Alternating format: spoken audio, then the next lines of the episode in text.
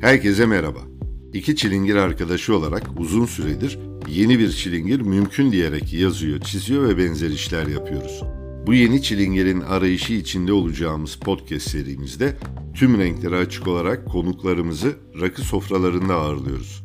Yan masanızda müzikten sinemaya, edebiyattan politikaya ve elbette gündelik yaşama kadar her alana değinecek bu çilingir sohbeti ilginizi çekerse size de dem olsun.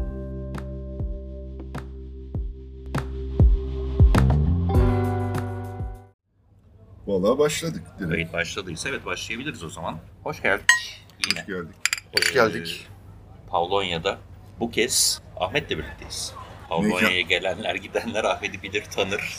Mekanın sahibiyle birlikteyiz. Evet mekanın sahibi geldi. Sizi misafir edecekken ben misafir oldum. Teşekkür ediyorum şimdiden. Şunu sorarak başlayacağım ben. Ahmet bir meyhanede dört kişi gidersin. Üç meze yesen de 12 meze yesen de aşağı yukarı aynı fiyatı ödersin. Bunun matematiği ne abi siz nasıl bir matematikle bunu çıkarıyorsunuz? Yıllardır biz bunu müdahim olarak çözemedik. Bence bu bir şehir efsanesi abi. 12 mezeli 3 meze Ya- aynı rakama çıkmaz diyor. 12 oluyor, oluyor. olmasın da 8 meze olsun ama. İçki abi orada önemli olan içkinin parası zaten ortalamada öyle bir şey oluyor ki az yedin çok yedin çok fark etmiyor. Bence içkinin fiyatı orada asıl belirleyici olan ortalama tutturan o oluyor. Yani bir büyük içiyorsan 3 kişi yanında 3 mezede 5 mezede hemen hemen aynı fiyat oluyor ortalama. Ben şöyle Yani. düşünüyorum. Meyhaneci bakıyor, masada dört kişi var. Kişi başı aşağı yukarı şu kadar almam gerekir. Üç meze ile sekiz meze arasında gerçekten bir matematik dehası var. Biz hesaplayınca öyle oluyor ama aynı parayı ödüyoruz yani. Üç meze yediğimizde de. Bundan ben de muzdaribim zaten. Dışarıda yediğimiz, içtiğimiz zaman hep öyle bir şey oluyor genelde. Sen dışarıda yiyip içiyor musun çok fazla? Bol bol. En az haftada bir iki defa mutlaka dışarıda hem kendimi sağıltmak için hem de millet ne yapıyor, ne ediyor, ne veriyor filan. Eskiler benchmark filan diyorlar ya işte öyle bir şey yapıyoruz de kendi çapımızla öyle diyeyim. Bir de meyhanede içmiyorsun galiba değil mi aslında çalışırken? Yani ufaktan demleniyorsundur belki ama. Normalde evet ben rakıyı çok seven birisiyim ama burada çok rakı hemen hemen rakı hiç içmiyorum. Arada bir iki kadeh şarap filan içiyorum. O da şey yani alkolik olmamak için aslında hep içmemek için yani birazcık da. Çok tehlikeli değil mi? Elinin altında dolap var yani. Abi Çok- evet yani bütün rakılar elinde altında hangisini istersen Hem çok tehlikeli bir de çok tanıdık var. Her masaya dolaşırım. Yani kendimden de korkuyorum. Yani her masada otur iç, otur iç, otur iç. Diğer masalar için de ayıp olur diyorum. Kendime de ayıp olur diyorum. Böyle bir disiplin yapmaya çalışıyorum kendi kendime. Peki bugün eksik olmasın Ahmet bize ala rakısı açtı. Ala rakısının özelliğini yine Murat sormadan ben Evet. Hala ben- benim bu ara en sevdiğim rakılardan birisi. Fena düştüm ben ona. Özellikle geçtiğimiz günlerde Alaşehir'deki fabrikayı ziyaret etmiştik. Orada bir deneyim merkezi açılmıştı. Orada bir tadım yapıldı. Yan yana rakıları koyup tattığında Ayla'nın keskin tadı biraz daha insanı cezbediyor. Ondan sonra ben de düşmüş oldum. Nedir o keskin tat? Neden öyle? Niye böyle bu kadar güzel bu rakı? diye ben sana soru sorayım. Bak Ke- röportaj kıvamında Evet, evet. başladık. ama Hadi bakalım keskin, hayırlısı. keskin tat derken rahatsız edici bir keskinlik Hayır hayır değil çok güzel bir tat. Yani nasıl anlatırım daha kavruk bir tat belki. Ha, güzel bir tam. Şimdi aslında şu anda piyasadaki tek kuru üzümden yapılan rakı ala rakısı. Ha işte belki de o kavrukluk oradan mı geliyor? Geçen bölümde de konuşmuştuk. Yaş üzümden rakı üretmek daha ucuz.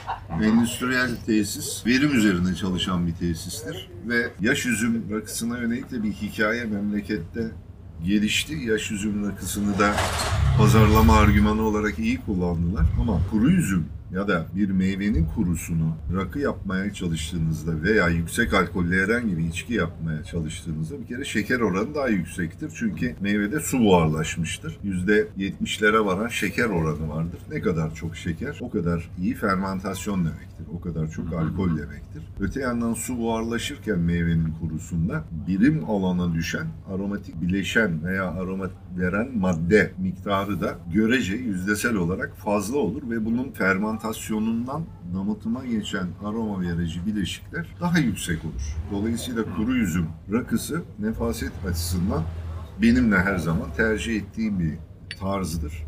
Sadece üzüm için değil bunun hani çeşitli coğrafyalarda meyvenin özellikle incir, eriği, kurusundan yapılan rakılar sen keskin dedin. Ben ona kendi terminolojimde ahulu diyorum. Ama, Ama- bu daha güzel. Bunun tabi duysal olarak tanımlanabilecek daha başka terimleri var. O çok teknik olacak. Meyhane masasını çok tekniğe bölmeyeyim. Bir meyhaneci arkadaşımızla Barba'yla birlikteyiz ama Barbalığa giden yolda az önce benchmark dedi ben oradan yakalayacağım. Şimdi adam bu? Ha, sevgili Ahmet kardeşimiz kurumsal dünyadan Barbalığa geçtiği için hala terimleri bırakamamış. Barbalığa geçmek için daha çok ekmek yememiz lazım değil mi? Bu eski barbalar başkaydı zaten yani. Bizim onlara yetişmemiz, o kültürü yakalamamız çok zor. Biraz ucundan yakalarsak ne mutlu bize zaten de. Ama senin açtığın mekanlarda öyle bir kıvam var. En azından Evet. müdavim mekanları oluşturma konusunda bir becerim var. Sadece benchmark'a dayanmasa gerek Ya bu yani. zaten şöyle bir şey var yani meyhane ile içkili restoran arasındaki temel fark bence müdavimlik farkı. Yani mahallenin meyhanesi, müdavimlik. Bunlar bence fark ettiriyor. İçkili restoranla meyhane arasındaki temel farkı bence bunlar belirliyor diye düşünüyorum. Sen abi dükkan açarken bunu kıvırabileceğin der bir hissiyatın mı vardı? Beyaz yakalıktan, beyaz yakalılıktan doğru söyledim değil mi? Beyaz Evet, yakalılıktan, yakalılık. yakalılıktan His değil, barbalığa geçişte ne, ne seni his değil de meyhaneyi hep çok severim. Yani çok sık gittiğim yerlerdir. Yani Beyoğlu'nda, eskiden Üsküdar'da, Kadıköy'de hep böyle gençlikten beri de içimde hep bir meyhane mi açsam, bar mı açsam diye de bir şey vardı. Becerebileceğimden hiçbir şekilde emin değildim yani. Sevdiğim bir şeyi yapacağım ama ilk ticaret deneyimim falan ama ufak ufak oldu. Başarıyoruz galiba yavaş yavaş. Ama çok şey değil, dışarıdan göründüğü gibi de değil yani. Beyaz yakalılıkla hakikaten meyhanecilik çok farklı. Fakat beyaz yakalılıkta kazandığım deneyim, eğitim gibi şeylerin tabii ki mutlaka olumlu katkısı oluyor meyhanecilikte de. Her işletmede olduğu gibi bence. Yani bir gün herkes küçük bir Ege kasabasına, sahil kasabasına yerleşecek ve hayatını orada devam ettirecek gibi her beyaz yakalının da herhalde bir beş masalı da olsa ufak bir dükkanım olsun, meyhanem olsun, kafem olsun gibi hayallerini sen gerçekleştirdin vakti zamanında. Hatta öyle hayalleri olan varsa 3 defa değil 300 defa düşünsünler bence ama yani bu maliyetlerle bu konjonktürle yani hem politik hem ekonomik çok dikkatli olmak lazım. 300 defa düşünsünler derim ben. Niye abi işleri iyi değil mi? İşler iyi fakat hani pandemi sonrası aslında biraz zorlanıyoruz. Niye zorlanıyoruz? Çünkü pandemi zamanında çok borçlandı bütün dükkanlar. Yani çalışanlara bir kısa çalışma ödeneği verildi. Onun dışında biz hiç bir destek alamadık. Kredi verildi işte. O zamanki öngörü 6 ayda bu pandemi bitecek gibiydi. Krediler çekildi. Kredilerin ödeme zamanı tekrar kapanmalar gerçekleşti. Kira borcu, yapılandırmalar vesaire derken herkes büyük bir borç yükünün altına girdi. Şu anda biz önümüzdeki bir dönem bu borçlarımızı kapatmaya çalışacağız zaten bütün sektör olarak. Şeyi nasıl görüyorsun? Diğer dükkanları da düşündüğün zaman bu iki yıla yaklaşan bir darbe aslında bahsettiğim şey. E, Plansız bir şekilde, çok ani bir şekilde bir sektörün sadece meyhanelerin değil yani Murat Tabii. da bundan etkilendi. Herkes çok kişi Bir etkilendi. Eğlence, yeme içme sektörü, eğlence sektörü etkilendi. Yaralar sarılacak mı kısa sürede? Nasıl olacak o iş? Yani çok hızlı geçmeyelim istiyorum. Biraz o süreçte de aslında merak da ediyorum. Konuştuk biz e, bol bol o süreçte de karşılaştık ama hakikaten nasıl geçirdiniz, ne oldu, meyhane buradan nasıl yaralandı mesela ya da kuvvetlenerek mi çıktı? Biraz Değil mi? oraları Yaralandı sanki... mı yararlandı mı mesela hani bunlar çok karışık durumlar. Evet, Yani- mesela bak bu da ilginç. Yararlandı da olabilir evet. mi? Murat'ın Yani olabilir gibi nokta. gözüküyor ama daha çok herkes gibi meyhaneler de yara aldı. Çünkü bir kere kapalı olduğunuz dönemde kazanmadınız ve harcadınız. Her koşulda o elektrik parası verildi, su parası verildi. Ki- Açmamış olsanız bile. Tabii en büyük etken burada şey oldu. Kiralar. Bu tip yerlerin kiraları az buz olmuyor genelde Evet. kiralar. Artı vergiler, SSK borçları falan onlar hep birikti sonuçta. Dolayısıyla yüklü bir borç oldu. Artı pandemide insanlar farklı bir yaşam tarzına geçtiler aslına bakarsan. Tabii. Yani evde film izleyelim, evde ekmeğimizi yapalım, evde rakımızı yapalım, evde öyle muhabbetler de oldu. Bu da farklı bir alışkanlığa dönüşüyor bence. Dönüştü de. Özüne gelirsek şu andaki baktığınız zaman meyhanenin fotoğrafını çekerseniz meyhane iyi iş yapıyor. Ama bir dönem bu iyi iş yapmanından kazandığımız parayı biz hep borçlarımıza veriyor olacağız. Yani bizim bu yaklaşık bir buçuk senelik süreç bizim için iki buçuk üç seneye yayılmış olacak. Pandemi bizde 2022'nin sonlarına doğru filan bitmiş olacak. Bunun yanında bir de zamlar, enflasyon, sürekli her şeye aldığınız kalamar, aldığınız karides, aldığınız her türlü şey, kağıt, peçete, Değil mi? Evet yani. her aslında. şey böyle. Artı Tabii. hani çok konuşur beni sustururum bu konuda. Yani mesela kiranın yüzde onu civarıydı elektrik, su, gaz. Şimdi hemen hemen kirayla eşit düzeye geldi elektrik, su, gaz. Bunlar hiç gözükmeyen şeyler. Bu maliyetleri bir şekilde yansıtmak zorunda kalıyorsunuz. Bu sefer kişi başına düşen yani müşterinin ödediği, misafirin ödediği para yükseliyor filan. Böyle bir karşıtlık olsun. Hem bizler hem meyhaneciler hem de meyhane müdavimleri bu işten hep zarar görür pozisyonda Yani şu anda müdavimin davranış değişikliği ya da tutum değişikliğini soracağım ama öncesinde belki şunu söylemek lazım. Ocak ayında ve Temmuz ayında ÖTV ayarlaması yapılıyor. Mevzuat gereği böyle. Ocak ve Şubat'ta ÖTV zammı bu sene gelmedi. Evet gelmedi.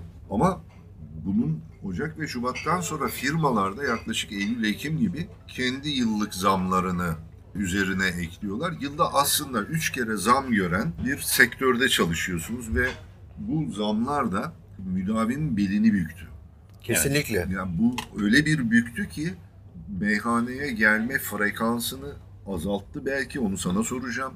Ya da geldiğinde tüketim tercihlerini belki değiştirdi. A- aynen Onun öyle. için onun merak ettiğim şey ben bununla ilgili çok yazı yazdım pandemi sürecinde de. Ama yaşayan bir insan olarak senin oradaki gözlemini merak ediyorum açıkçası. Ne oldu? Müdavime bu nasıl yansıdı? Yani alışkanlık şöyle değişti. Haftada iki gelen haftada bir geliyor. Yani özet olarak öyle söyleyebilirim. Gelme sıklığı azaldı.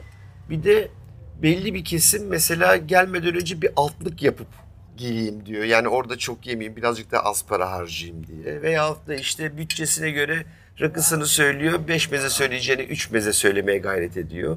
Daha az masrafla Ama çıkmaya burada çalışıyor. uyarıyorum. Üç meze de söyleseniz, Beş meze de sekiz meze de söyleseniz hesap aynı. Onu bilmiyorlar tabii ki. Altlık yapmak daha pahalı artık ya. Onlar Diyorum da ya, arttı çünkü. yani- Yani, eskiden altlık yapmak tamam belki mantıklı geliyordu ama şimdi onlar da çok arttı. Tabii canım yani aynen öyle. Öyle bir tüketim alışkanlığı oldu. Bir de belli bir yaş üstü pandemide dışarı daha sakınarak çıkmaya başladılar. Onlar daha az geliyorlar. 55 üstü müdavimler çok daha sık gelirlerdi. Şu anda çok daha seyrekleşti. Pandeminin süreci o da. Ama fiyatların da böyle olması hakikaten müdavimi ürkütüyor tabii ki. Herkes daha dikkatli yiyor içiyor şu anda. E nereye evrilecek abi bu iş? Yani bir, senin bulunduğun noktadan nasıl bir evrim geçirecek ya da bilmiyorum bir şekilde yavaş yavaş. Ya zaten Çünkü yılda üç kere bu zam durmayacak. Nasıl durur? Bir şekliyle politik tercihler değiştiğinde durur elbette. Yani hükümet bu konuda bizi yönetenler bu ÖTV'den kaynaklı zammı yansıtmamak ya da içki üzerindeki ÖTV'yi düşürmek gibi politik bir tercih değişikliğinde bulunmazlarsa bu böyle gidecek bir şey. Tabii Şimdilik öyle bir olasılık yok Şimdilik. gibi gözüküyor. Şimdi. Yani hayat zorlaşıyor. Yani ben onu çocukluğumda yaşadım. Akşam işten çıkışta mahallenin meyhanesine gelirler. Adam iki tek rakısını içer, iki mezesini yer. Sonra evine yemeğe giderdi. Yani her akşam meyhaneye giden kitleden şimdi haftada bir, haftada ikiye düşen müdavimlik frekansından bahsediyoruz aslına bakarsanız. Zaten bir evrim geçiriyoruz aslına bakarsanız. Ayda yılda bir meyhaneye gelenler de var. Eskiden onlar hemen hemen hiç yoktu. Hep gelenler olurdu. Böyle bir frekans değişikliği kesinlikle var. Bu hem alışkanlıkla ilgili hem de fiyatlarla da ilgili diye tahmin ediyorum. Bir de şey de var. Yani meyhane vardı. Şimdi paplar da var. Paplar da farklı bir kültür yarattı. Genç kesim mesela artık meyhaneden çok paplara gidelim. Bira içelim, tekila Muhabbet içelim, muhabbet edelim. Öyle bir alışkanlık da var. Ama gençlerin bir kısmı meyhaneyi de özlüyor. Yani üç defa papa gidiyorsa bir defa da meyhaneye gelelim diyorlar. Bence meyhanecilik, meyhane kültürü ölmez de ama evrilecek. Hep beraber göreceğiz neye evrileceğini. Tam bilemiyorum ama Bu şu anda. şöyle bir sizi şeye itmiyor. E, frekans azalınca çok klasik bir mantık çıkıyor ortaya. Senin birim alanın var, masan var. Gelen müdavimin frekansı düştü. Daha fazla müdavime erişmen lazım. Ya da daha fazla müdavim olmayan ama meyhaneye işte giden insana erişmen Yani kısaca lazım. meyhaneyi doldurmak gerekiyor aslında. Bunun içinde Bunun bazı için. tavizlerde hep bulunuyorsun ya, bulunuyor ya. Daha ortalama mezesinden müziğine, dekorundan vesairesine bir anlamda ortalamaya hitap etmek ve müşteriyi çekip dükkanın ekonomisini idame ettirmek. Yani şöyle bir şey söyleyeceğim orada. Her meyhanecinin görüş, her meyhanenin ambiyansı farklı olabilir tabii ki. Biz yani burada hani kendimizi reklamını yapmak için söylemiyorum ama biz böyle şeyden kaliteden ödül vermeden çalışmaya çalışıyoruz. Müdavimliğe de özendirmeye çalışıyoruz. İşte bunun için müdavim olunuyor ama. Evet. Yani şeye ba- geleceğim aslında. Tam senin sorun cevabı olmayacak ama mesela ben doğma büyüme Üsküdarlıyım. Hani Üsküdar'da tonla meyhane, bar, birahane falan varken şimdi son 20 yılda bunlardan hiçbir şey kalmadı orada. Demin onu diyecektim. Bu dönüşümün en büyük sebeplerinden birisi belki de bu mahalle meyhaneleri ortadan kalktı. Tabii yani müdavimlik mahalle, şey. müdavimlik mahallede olacak bir şey. Yani biz Kadıköy'deyiz.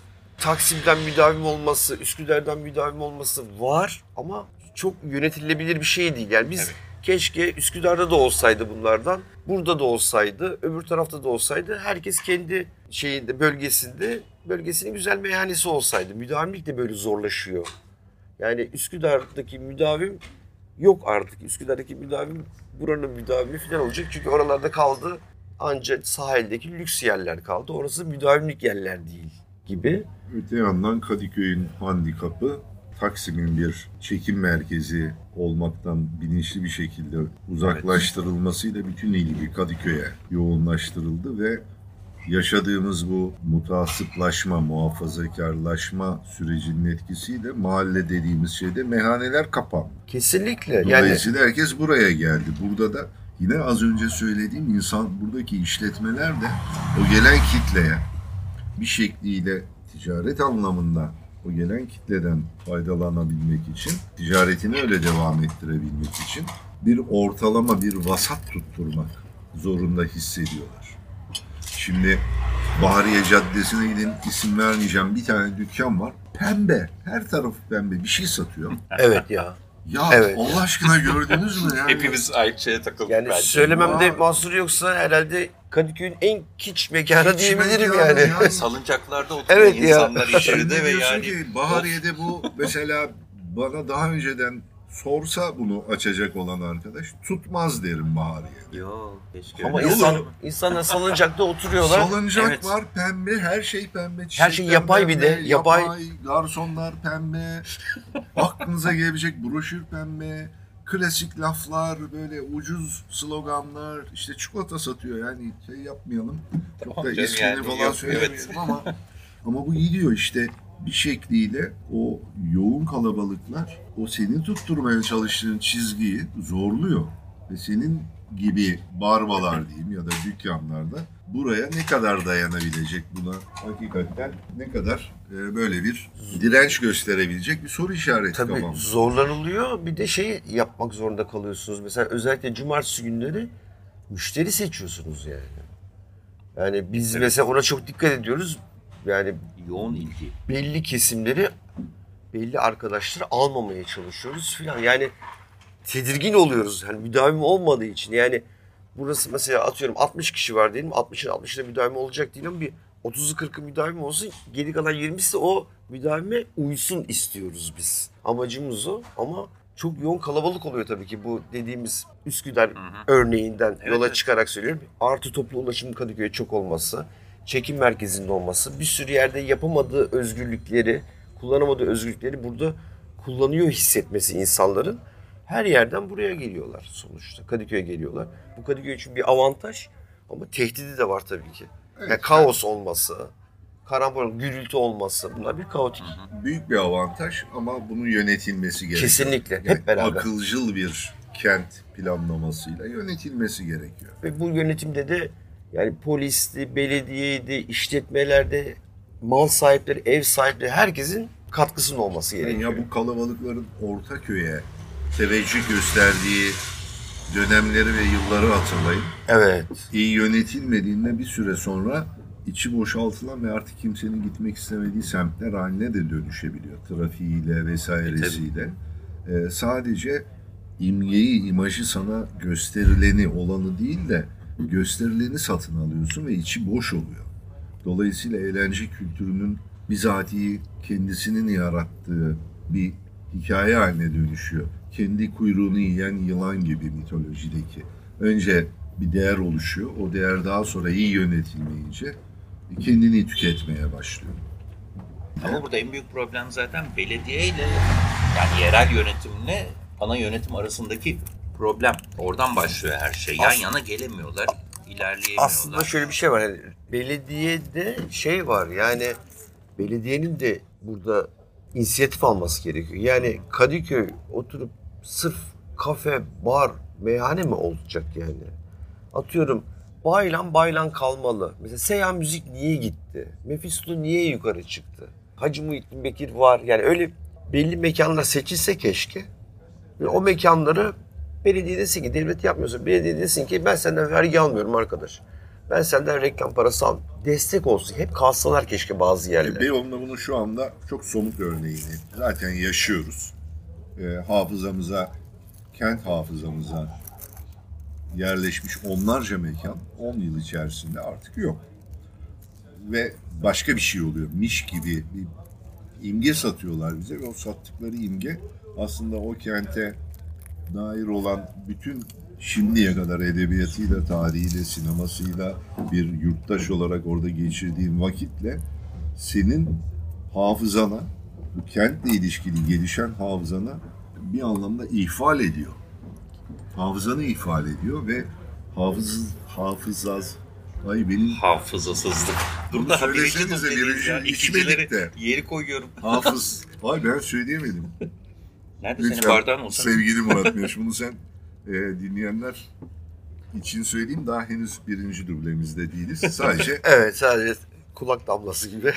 Hafızasızlık. hafızasızlık. Ama bu evet. en büyük problemimiz zaten o hafızasızlık. Yurt dışında herhangi bir yere gittiğimizde 20 yıl önce orada olan şeyi buluyorsun. Ne 20 yılı? 126 yıl önce Abi, orada olan şeyi de buluyorsun. Kafka'nın kitabını okuyorsun. Kafka'nın kahve içtiği yerde kahve içiyorsun abi. Yani böyle bir şey var mı? Mesela şu anda Nazım'ın bir sürü yerleri dolaşmış Kadıköy'de, Üsküdar'da.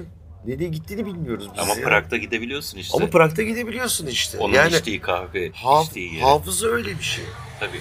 Yani sırf trendli olacak bir şey değil bu. Hani şu anda kafe açalım, içki aç- açalım Kadıköy'de. Bunun da bir bir şekilde yönetilmesi gerekiyor kesinlikle. Ama her şey çok hızlı değişiyor. Bir de bir taraftan çılgın modalar başlıyor. Mesela bir dönem kır pidecileri çok modaydı. Çok eskiden. Ee, sonrasında başka şeyler geldi. Yakın döneme gelelim. Lokmacılar geldi. Abi bir anda abi her yer lokmacılar ya? lokmacı doldu ve çok hızlı bir şekilde yok oldu onlar. Hiç anlamadım ben. Nasıl geldiler, nasıl bu kadar moda oldular ve nasıl yok oldular. Sonra midyeciler geldi. Sonra midyeciler gitti. Arada dilim pizzacılar geldi. Hala bir iki tane olmakla birlikte onlar da kayboldu ve mesela Kadıköy'ün en güzel kırtasiyelerinden birisi ele geçirildi o esnada. Ya da en güzel sahaflarından birisi ele geçirildi. Çünkü lokmacılar, midyeciler, şuncular, buncular daha fazla para verdiği için ev sahipleri eski şeyleri çıkartmaya başladı. İşte tam da burada aslında senin e, Aynen. şeyinin devreye girmesi gerekiyor. Belki de belediyenin ya da başka birisinin onlara katkı sağlaması, bunun yaşanabilir hale gelmesi, sürdürülebilir, sür, bak ben de aynı şey oldum. Sürdürülebilir hale gelmesi gerekiyor. Ya şey de ancak mesela Kadıköy'de yorgancı kalmadı abi. Ya onlar Var. zaten Var mı? Ama bir Var tane, evet, bir, bir Evet. iki tane kaldı. Ama yorgan kalmadı o. Yani o da başka ama yani üzülüyorum böyle şeyleri ben aslına bakarsam. Birazcık yani bu kadar çabuk değişmemesi lazım diyorum. Birazcık kalıcı olsa keşke. Ya o konuda benim genel düşüncem şöyle. Kent denen mevhum dönüşümün bizatihi kendisi. Evet e, bugün yorgancı kalmadı diyoruz ama yorgancının geliştiği dönemlerde de birileri işte belki dibek kahvecisi kalmadı diyordu. Belki de evet. Onun yerine bir şeyler geldi diyordu. Bu hep olacak. Ancak son dönemde yaşadığımız çok plansız, çok tahrip edici ve kenti oluşturan o değerler bütününe saygısız. Yüzde yüz evet. Bu salt meta, salt para üzerinden döndüğünde bunun en bariz örneklerinden bir tanesini de Mateus'u senin sektöründe görüyoruz. Yani meyhanede görüyoruz. İşte mahalle meyhanesi dedik ama meyhane mahalleleri oluyor. Bir sürü yerde o da var. Kadıköy'de de var. Her şey standart. E, Mezeler endüstriyel. Mekanlar yine miş gibi. Menüsü hiçbir farklılık göstermiyor. Ve oraya gidenler de aslında eğlendiklerini zannederek para veriyorlar. Bir şey satın alıyorlar ama o satın aldıklarının öykünülen, özle bir ilgisi olmuyor genelde. Aklıma bir şey geldi. Hani çok konuyla alakası olmayabilir ama özellikle gençlerde çok oluyor. Mesela cumartesi günü geliyorlar, oturuyorlar. İlk soruları Wi-Fi şifresi. Daha bir yudum alınmamış rakıdan, bir gıdım alınmamış mezeden hemen fotoğraflar çekiliyor. İşte biz şuradayız. Yani eğlence başlıyor. Ama eğlence sosyal medyada başlıyor. Evet, işte yani masada eğlence yok. Instagram'da story ile Yaptım. başlıyor. Tık, tık atıldı. Cumartesi günü dışarıda biz şurada içtik ve çok eğlendik. Tık daha ama saat 19.01 daha yani. Öyle bir hikaye var. Mesela Korçi ile birlikte yaptığımız şeyde konuşmuştuk. Biz artık buna dönüyor. bizim hikaye yaşlar onu maalesef. yapmıyor. Bizim Evet. yaşlar genelde telefonu bir tarafa koyuyor. Açmıyor telefonu. Ben çok acil bir şey olmadan. paylaşıyorum. Hatta masa yamuk diyorum. Sizin masalarınız zemin sebebiyle dışarıdaki masalar bir şekilde Murat yamuk. bizim kuşağın e, uç beyi. Diğer kuşaklar arasında bak bak bak bak. iletişim sağlı. eyvah eyvah. uç beyi olarak kendisi bir şey yapıyoruz. Aranızda bir influencer En lazım. Bak bunu söyleyebildim. En, en azından benim yaş grubum ona dikkat ediyor diye sıyrılayım ben buradan. Ya Ahmet şeyi hızlı geçtik ama senin beyaz yakalılıktan doğrudan meyhaneciliğe geçişiyle paralel bir de müzikle ilgili bir damar var. Bıraktın mı müziği ne yaptın? Abi müzik şöyle bir şey. e, ben zaten 45 yaşında davul dersi almaya başladım. Durduk yerde. 40, 45 yaşında. Ondan sonra davul dersini almamdaki amaç ne? Hocaya dedi ki sen niye davul dersi alacaksın? Dedim ki ben Cem Karaca'ya eşlik etmek istiyorum. Bak. Yani Aa. idealde o. Ders aldık, ders aldık. Sonra bir grup kurul- kuruldu. Adı Durduk Yerde. Durduk Yerde başladı. Pandemide birazcık dağıldık şu anda. O grupta davul çaldık, müzik yaptık kendimize göre. Öyle bir keyifli zaman dilimim var. Hala davul çalmaya devam ediyorum aslında. Ama grupsuz bu işler zor. Murat da bizim konserlere gelmişti. Evet evet Kadıköy sahnede unutamadığım bir konserimiz vardı. Orası hep böyle şahane konserlerin mekanıdır. İşte Daniska'nın ilk konserini orada izledik. Moğolların efsane konserlerini orada izledik. Ben de çaldım zaman zaman. Orada böyle çok güzel gecelerim oldu. Efsane yer zaten. Evet evet hem efsane yer hem mahallenin güzel yerlerinden birisi. Senin mekan da zaten aslında Kadıköy sahnenin az ilerisiydi. Eskiden adı meyhane olan. Aynen Ee, öyle. Bizim ilk müdavimliğe başladığımız mekan. Sonra e, işte durduk yerde e, bir anda bir konserde kendimizi bulduk. Sonra sen ortadan kayboldun. bir de öyle bir şey var ve e, aylar yıllar sonra yeniden geri döndün. Ama müzik meselesini kapatmayalım bu arada. Ona birazdan geleceğiz. Hani e, müzik bir şekilde evet grupla yapılması gereken bir şey. Hele ki davul çalıyorsan solo kariyer çok Evet. zor. Evet çok zor. Bir de şey değil yani ben hani kendimi baterist, davulcu olarak falan adlandırmam mümkün değil. Sadece hani bir şeylere eşlik eden birisiyim. O kadar büyük üstadlar var ki yani onların ya, tırnağı olamayız biz ama şey çok güzel ama. Sahne zaten güzel bir şey de en keyif aldığım zaman benim ama prova zamanları. Stüdyoya girip Ah, bir, bir şarkıyı evirmek, çevirmek, blues mu yapsak, rock mı yapsak, şöyle mi yapsak, böyle mi yapsak o hal en keyifli hal. Sonra bir şey karar veriyorsun ve o çıkıyor. Çok güzel bir üretim. Müzik tarihçisi olarak içlerinde bulunmayı en sevdiğim şeyler prova stüdyoları.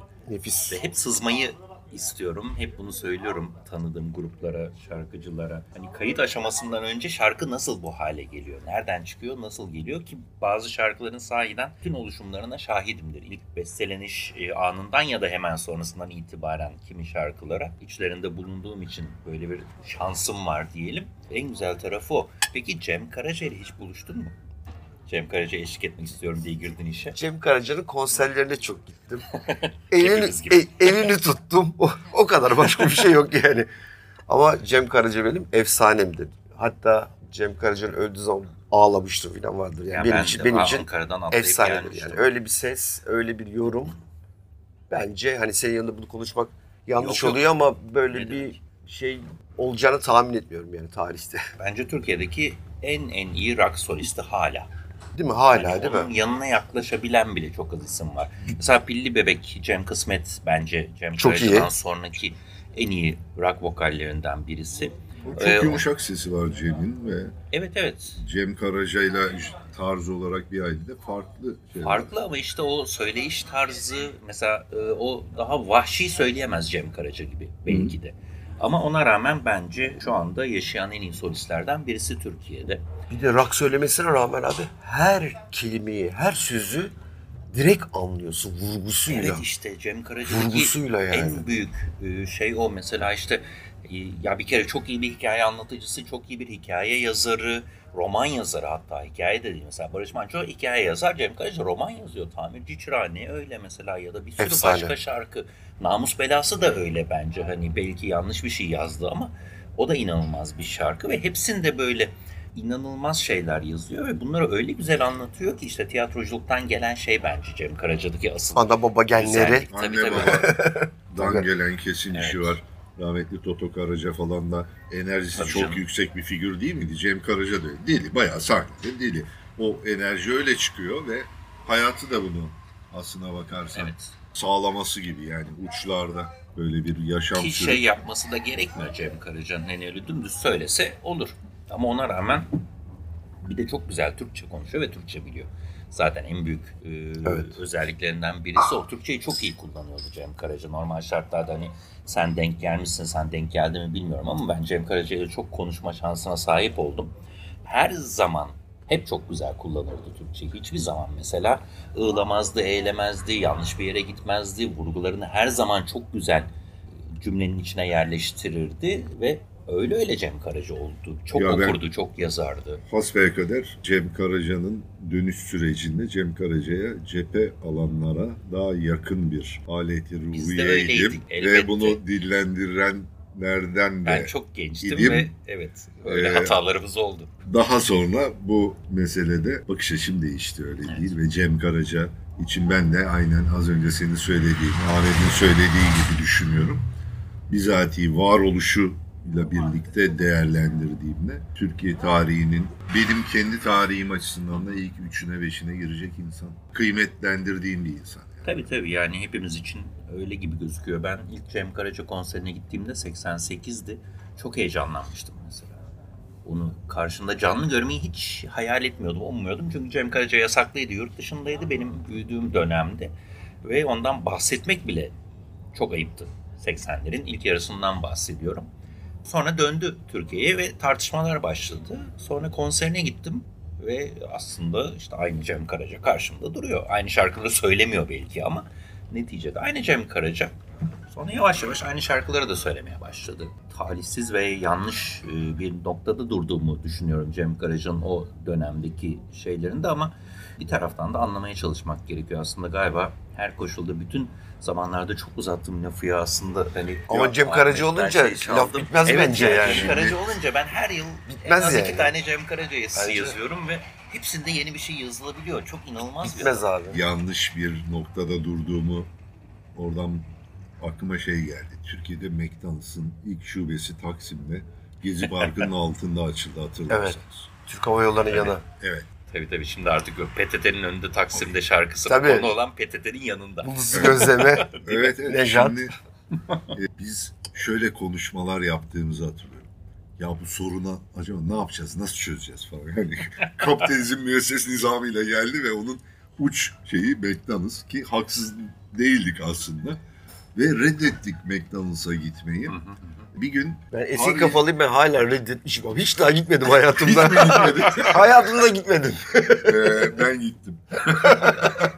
Yurt dışı Ben- maceralarında benim de Ee, zaman zaman Hatta şey yaptığım oldu. şu şeyi anlattıktan sonra yurt dışı bir macerasıyla da bağlarım. Bir gün Harbiye'ye doğru giderken McDonald's'ın dışarıya masa atıyordu o ilk şeylerde. Genco Erkal orada oturuyordu. Aha. Ben hissiyat olarak şöyleyim. Bir geri geldim tekrar Genco Erkal mı diye. Tekrar baktım, teyit ettim. Tamam bütün veriler. Eşkal, eşkal tutuyor Genco Erkal ve McDonald's hamburgeri yiyor. Aman Allah'ım falan. Okula gittim. Ya da bitirmiş miydim o zaman hatırlamıyorum. Bitirmiş de olabilirim. Ya arkadaşlar işte Genco Erkal'ın McDonald's'a gittiği bir dönemde ve şeyde nasıl olacak bu işler meselesinde bir tartışma açmaya çalışmıştım. Büyük sorunsal. Büyük sorunsaldı. Ahmet senin sorunsalı hala devam ettiren bir insan olarak. Peki kendi mekanında neyi muhafaza ediyorsun? McDonald's'a gitmeyen bir insana ben bugün muhafazakar diyebilirim ama müdavimi oluşturabilme becerisi olan bir adamsın benim görebildiğim kadarıyla. Çevren itibariyle, yaklaşımın itibariyle. Kendi mekanındaki muhafaza etmeye çalıştığın şey ne senin? Abi burada samimiyet asıl şey ya. Samimiyet. Yani buraya gelen insan rahat etsin. Aslında şöyle bir şey söyleyeyim. Tam soruna cevap değil ama öyle bir ortam yaratmaya çalışıyorsun ki insanlar rahat etsin ama evdeki gibi de rahat etmesin. Ya o Yani kadar da olmaz. Öyle bir, bir ince çizgi var. O ince çizgiyi kaçırmamak gerekiyor. Rahat edecekler ama her şeyde müdavim istediği gibi olmayacak. Böyle bir ortak noktada bir uzlaşılıyor. Zaten o uzlaşıyı da yaratan meyhaneciyle müdavim oluyor. Mesela rahmetli Refik belirli bir saatten sonra masalara oturup o şey sesiyle, ilginç Davudi sesiyle sohbet ederdi. Tanıdık tanımadık yapardı. Refik'le ilgili şunu söyleyeceğim. Bir gün Allah rahmet eylesin tabii ki. Kuzenler muzenler falan Refik'e gittik. Bir dakika ya. Re- Evet, Refik yani. abiye. Evet evet abi. Refik amcaya diyelim o, ya. o Abi demeyelim büyük de. üstad yani. Benim kuzen de Karadenizli sarışın hoş bir hatundur yani. Böyle oturduk masaya. Refik abi sağ olsun çart diye masaya oturdu. Kusura bakmayın dedi. Ben bir güzel kadın gördüm dedi. Otururum dedi. Sen Karadenizli misin dedi. Karadeniz. Ben size dedi turşu kavurayım. Bilmem ne yapayım. Bayağı kuzenimin eşi falan da var. Çok tatlı bir asılma ama işte o asılma kimseye rahatsız etmiyor. Aynen. Yani tatlı bir flörtözlük ama kimse rahatsız olmuyor ve mutlu oluyoruz. Şimdi biliyor musun birisi birisi de flört yapıyor ve bunu yapan Refik abi işte yani. Ama o kadar doğallığında yapıyordu ki. Tabii. Yani belki gerçek vermiyor. amacı da o değildi bilemiyorum. Yani Yok, zaten bir amaç da değil. Orada güzel zaman geçiriyor ve geçirttiriyordu. Mü- Müthiş bir. Ama en Yani- güzel şey o işte zaten. Güzel zaman geçirebiliyorsan ve Tabii. insanları oraya çağırdığında pişman olmayacağını biliyorsan zaten o meyhane iyi Bir de bir kendini meyhane. güvende hissedeceksin. Mesela en önemlisi. Yakup'un orada, Refik'in orada her zaman kendini güvende hissedersin. Evet. Hayatta başına bir şey gelmez yani. Bilirsin ki ne hesapta, ne bir şurada, ne burada başına yani düşsen seni eve götüreceklerini bilirsin. Bir meyhanecilik bu. Barbalık o. Yani Refik abi öyle bir abimizdi. İsmet Baba öyle bir babaydı. Evet. Yani biraz aksiydi ya. ben İsmet Baba ile ilgili şöyle bir şey söyleyeceğim. Üniversite sınavı 82 yılı, 82 yılı üniversite sınavından çıktık. 3 gibi mi? İsmet Baba'da buluştuk tüm arkadaşlar. Rakı içiyoruz bilmem ne yapıyoruz. İşte içtik güzel hesap dedik. Hesapta bir tuhaflık var. Az geldi bize. O zaman baba da orada. Baba dedik ya bir, burada bir hesapta bir problem var galiba dedik. Baktı şu anda rakam hatırlamıyorum. Ya siz şu kadar verin yeter dedi. Yani yani anlatabiliyor muyum? Yani babalık öyle bir şeydi. Biz yani oralara şey öyleydi. Salıncak'taki Arap'ın yeri öyleydi mesela. Arap yani kollar da hep. O kollama, kendini güvende hissetme.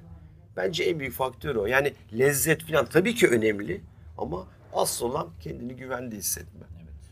Ait hissetme. Yani ben buradayım, işte Ahmet abi burada. Ben buradayım, Refik abi burada. Onu hissetmek bence çok hissettirince zaten oluyor. Senin mesela o konuda bahsettiğimiz e, insanlar gibi bir çizgin belki yok ama senin de kendine ait bir tarzın var ben uzaktan baktığımda. O kıvamı sen başka bir türlü tutturuyorsun. hissen bir kıvam yakalamaya çalışıyorsunuz. Onu mümkün olunca tutturmaya çalışıyoruz. Yani yüzde yüz olmuyor zaten o. Ama tutturduğu zaman herkes mutlu oluyor zaten bence. Yani gelen de biz de mutlu olmuş oluyoruz. Ama o dediğim gibi çok ince bir çizgi. Yani benim şeyim orada ev kadar rahat olmayacak ama rahat olacak. Yok ev kadar rahat olmasın zaten. Evet, ben de evet. istemem. Öyle bir öyle bir şey var. İnce bir denge çizgisi var bence. Abi sen şimdi böyle söyleyince aklıma daha önceki bölümlerde birkaç şey anlatmıştım. Trakya kökenliliğine ithafen ev kadar rahat olmayacak dedin ya. Günün birinde köye gittik. Babamın doğup büyüdüğü, benim de gitmekten çok keyif aldığım Trakya'da bir köyümüze gittik. Saat 11 gibi köye vardık. Bir şekilde karnımız da acıkmıştı. Bizim köyde iki tane meyhane var. Ufak Ne bir güzel köy. tınlıyor ya. Bizim köyde iki tane Ne güzel ya. var. Ya, e, iki meyhane bir de birhane var. Trakya onu, olduğunu onu düşünürsek saymıyoruz. az tabii. Acaba bu saatte dedik ki açık mıdır bir şeyler yiyebilir miyiz? Bir tanesine kafayı uzattık. Zaten köyde herkes bir şekilde akraba olur ya köylük ya. Ama Trakya'da efsanedir bu konuda zaten yani. Şimdi kafayı uzattık. Ya dedik ki ocak açık mı? İçeride de masa var. Meyhaneci ne demek açık mıyız. Yani soru bu. Ne demek açık mıyız dedi. Saat kaç dedi. Baktı saat 11 yani. geç bir saat bana göre köy ölçeğinde geç bir saat ama açıktı. Oturduk. İşte biraz bir şeyler söyledik. Sonra babamın arkadaşları, çocukluk arkadaşları. Bizi de tanıdılar. Benim de tanıdığım akrabalarımız olan. Şöyle bir hitap şekli var bizde anne tarafı ya da baba tarafından akrabalık ilişkisine göre dayının, halanın, amcanın gibi kelimelerle Dayın birbirine seslenir insanlar. Dayının ne haber? İyi be dayının sen nasılsın? Amcanın ne haber? İyi be amcanın sen nasılsın falan. Orada biz tabii baba tarafından diğer babamın arkadaşları şu bu falan tanıyınca bir meclis oluştu. Meyhaneci de bize katıldı. Ev rahatlığı meselesinde dükkan kapandı, saat ilerledi. E, Biz bayağı isteyen gidiyor ocakta böbrek pişiriyor. Siz getiriyor. beğenden eve geçmişsiniz ama. e, işte dolabı açıyor. Dayının yok mu veya burada kalmadı mı bir şey diye falan rakıları alıyor. Böbrek kızartıyor. Bir şeyler yapılıyor. Meyhaneciyle birlikte gece şöyle sonlandı. Sabah biz dükkan açtık Ahmet. Başladınız çalışmaya artık. artık başladınız. Herkes bir yerde yattı etti. Dükkan açıldı. Eve öyle gidebildik yani ev rahatlığı meselesinden haksız olarak geldi ama. Alakası yok ama aklıma şöyle bir şey geldi. Sene kaç acaba? 86'lar falan olabilir. Elya Kazan Isparta'ya gelecek. Ben de orada bir otelde yiyeyim. Film çekme hikayesi vardı. Isparta'da film çekme hikayesi vardı. Neyse adamı birazcık gözlerden Irak gezdiriyoruz. Ben ama Elya Kazan gelecek diye de çalıştım. Ne viski seviyor, ne yapıyor filan diye de birazcık çalıştım. İrtibatım iyi adamla. İçildi. Dedik ki çorba içer misin dedik. Dedi ki içerim. Çorbacıya gittik Isparta'da. Çorbacı dedi ki sucuk ister misiniz dedi. İsteriz dedik. Dansöz ister misiniz dedi. Ne dedi? Dansöz. Dansöz geldi.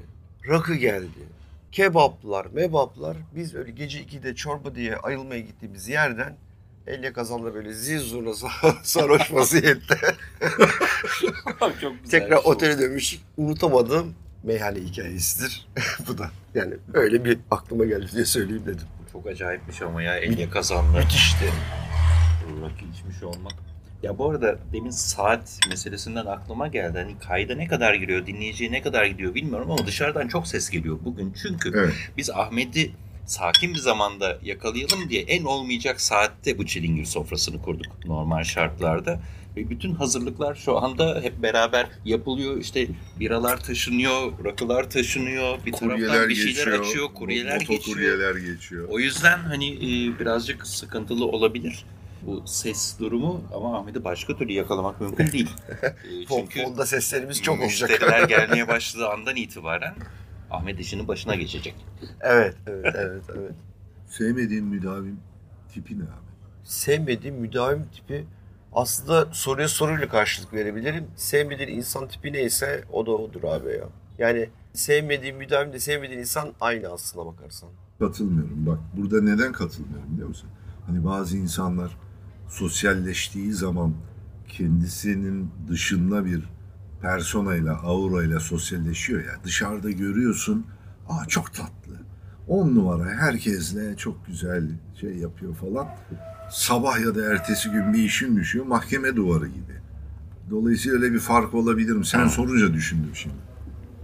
Çok Evet, fark etmeyebilir belki hani söylediğin. Belki de ama çok temel bir şey söyleyeceğim. Hani iki kişi sandalyede oturuyor. Eğer bacak bacak üstüne atıp bedenini dışarı doğru veriyorsa anlatabildim mi bilmiyorum ama Hmm, beden dili diyor. beden dili yani dışarı dönükse iki kişi gelmemişler aslında. O dışarıya doğru gelmiş. Onları birazcık böyle bir dikkatle bakıyorum ben. Yani muhabbete Ahmet, gelmemiş yani. Ahmet beyaz yakalılık serüveninde beden dili eğitimlerine çok katılmış. Ben buradan onu anlıyorum. Abi çok çok, çok eğitim aldırmışlardı çok bize eğitim ya. almışlar, aldırmışlar size. Çok a- alakalı alakasız. Çok Hay eğitim Allah. aldık yani. Yani şimdi buradan eyvah eyvah bundan sonra sana ben o gözle bakacağım. bacak bacak. Aa, bacak ya ondan bacak- sonra bak dışarıya dönüp oturmak yok, bacak bacak üstüne atmak yok. Ama hakikaten böyle iki kişi oturuyor. Düşünsene iki kişi gelmişler. Bacak bacak üstüne atıyor ve beden Kaşını tamamıyla dönüp, şeyde sokakta. dönüp dışarıya Sokakta. bakıyor. Ha, Demek ki ya o gelmemiş sana aslında. O ikinci kişiye gelmemiş o. Sokağa bir seyretmeye gelmiş. Takılır mıyım diye gelmiş. Belli yani. Anlatabiliyor muyum yani? İşte aynı anda cep telefonlarının çıkıp bir anda diye. oraya şey yapılması falan da aynı şey. Hani tamam arada çıkar, bakılır mesajlara, konuşulur, şey yapılır filan ama bir anda iş buna dönünce bir bakıyorsun işte dört kişilik masa yanında oturuyor. Dördünün birden elinde cep telefonu ve vıt vıt vıt vıt vıt bir şeyler yazıyorlar, yapıyorlar. O yeni alışkanlık o bir de artan bir alışkanlık ne yazık Değil ki mi? yani. Yani o muhabbet o muhabbete geldi. Daha yani telefonu bırak orada. Ya muhabbet ortamı bambaşka bir şey zaten hani hepimiz bakıyoruz eninde sonunda da e, o muhabbeti bölecek hale geliyorsa evet e, sıkıntılı bir durum ki meyhane muhabbetle eşdeğer zaten. Yani her şey bir yana meyhanede illaki muhabbet olması gerekiyor E, ve bunu engelleyecek her şeyi bir şekilde masadan uzaklaştırmak lazım. Yani maç yayınından yüksek sesli müziğe, Bence de. telefonundan istenmeyen insanlara kadar. Yani ben şeyi bile biliyorum birazcık abartılı olacak belki gelebilir ama hani kız arkadaşına aynı masada telefonda mesaj atıp hani böyle sevgisini dile getiriyor. Orada daha kolay çünkü telefonda. Ya Onu- o da olur hadi ona bir şey Yani demiyoruz onu yani. dile da getirmekten dile, dile numaraymış. Ama iki kişi düşünsene abi Bunu- Dur dur o güzel o fena değil. iki kişisin ama ya anlatabiliyor muyum? Yani Orada Konuş, konuş, var abi, konuş fena ya. değil Yani orada başka şey- kullanılabilir bir taktik çocuklar. Diyelim ve Ahmet çok teşekkür ederiz. Bize ev sahipliği yaptığın ya için. bizi misafir ettiğiniz için çok teşekkür ediyorum. Bu podcast'i senin mekanda rahatlıkla çekebiliyoruz. Öyle bir bize bir mekan, bir rahatlık bir şey sağladığın için de ayrıca teşekkürler diyelim. Hesabı ayrıca konuşacağız. Biz, biz abi. çok mutlu olacağız. Ama üç kişi ne olursa olsun biliyorsunuz hesap nedir. o zaman hoş geldik. Hoş geldik. evet. Bitirdik.